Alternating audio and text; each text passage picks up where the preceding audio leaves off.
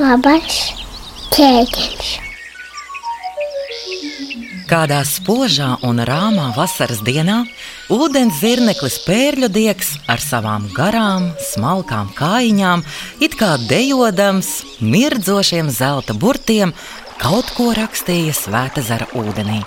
No katra burta caur spožo trauslo līmeni šāvās gari, bikli stari, modinādami dzelmi. Mirdzošiem bariem sanāca mazas ziltiņas, kā garas zelta auziņas, apstājās un lasīja ūdens zirnekļa stāstu.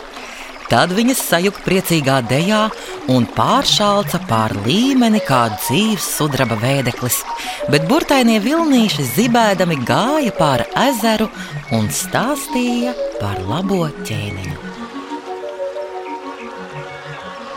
Reiz agrā vasarā, kad zivis laimīgi nārstoja svēta zara niedrās, līkšņā plati ieplatušies stāvēja pelēcīgi vīri un sāka nolaist ezera ūdeni, kurš murdēdams gāzās pa dziļo atvērto grāvi un lieliem spožiem mutuļiem aizvilnīja pa zaļo pļavu, noliecot stiebrus un zāli.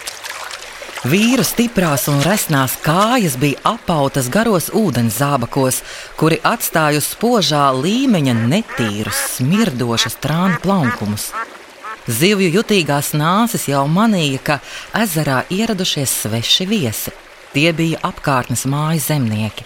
Kārē pēc zemes viņi bija sarunājuši nolaist ezeru, lai iegūtu sev kādu zemes gabalu, lai tas būtu vai dēlnes lielumā. Pa nakti ūdens strauji kritās.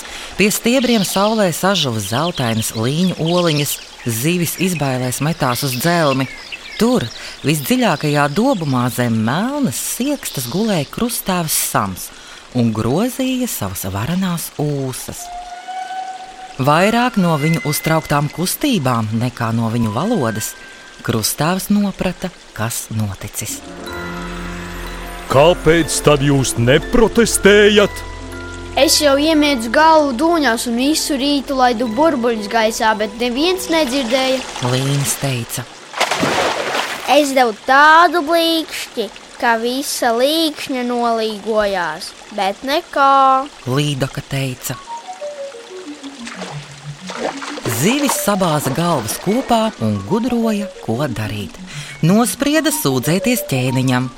Lietas vešanu nodeva vēzim, tas zinot galma paradumus.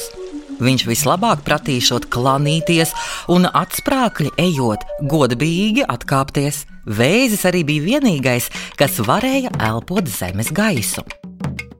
Nezinu, kā viņš bija ceļojis vai rāpjas kājām, bet vienā rītā viņš stāvēja ķēniņa priekšā ar šķērē paceltu zivju sūdzību.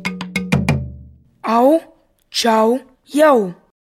Vēzis runāja, bet viņa valoda bija tik aizsmakusi un neskaidra, ka ķēniņš skatījās apkārt un vaicāja. Vai te ir kāds? Vai kāds ko teica? Ā, tu tas esi vēzīt! Viņš to bija pamanījis kā dūņu piciņu uz spoguļgrīdas. Ķēniņš smaidīdams noliecās pie tā un no viņa šķēres paņēma lūgumu rakstu. Lasīdams ķēniņš piegāja pie atvērtā loga. No augstām vecām liepām pils pagalmā, kā zelta putni pacēlās un uzlidoja ķēniņa labās domas.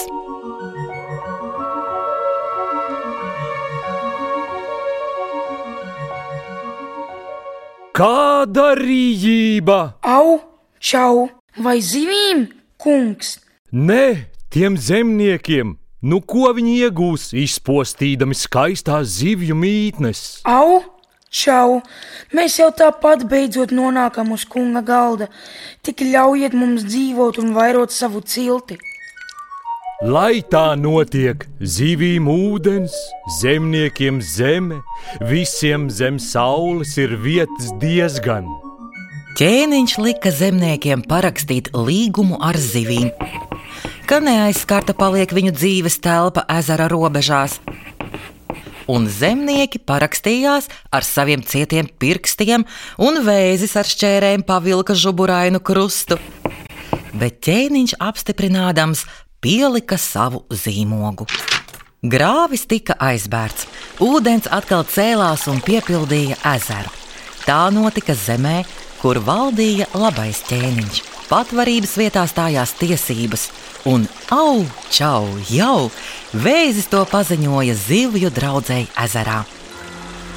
Tas ir vecs stāsts. Ķēniņš ir miris, bet viņa labās domas vēl dzīvo un sargā katru dzīvu dvašu. Tās tikai ir pacēlušās augstāk par pilsētu, bet agros saulainos rītos var redzēt mirdzu, ko tās met no saviem spārnu galiem uz torņiem un koku galotnēm.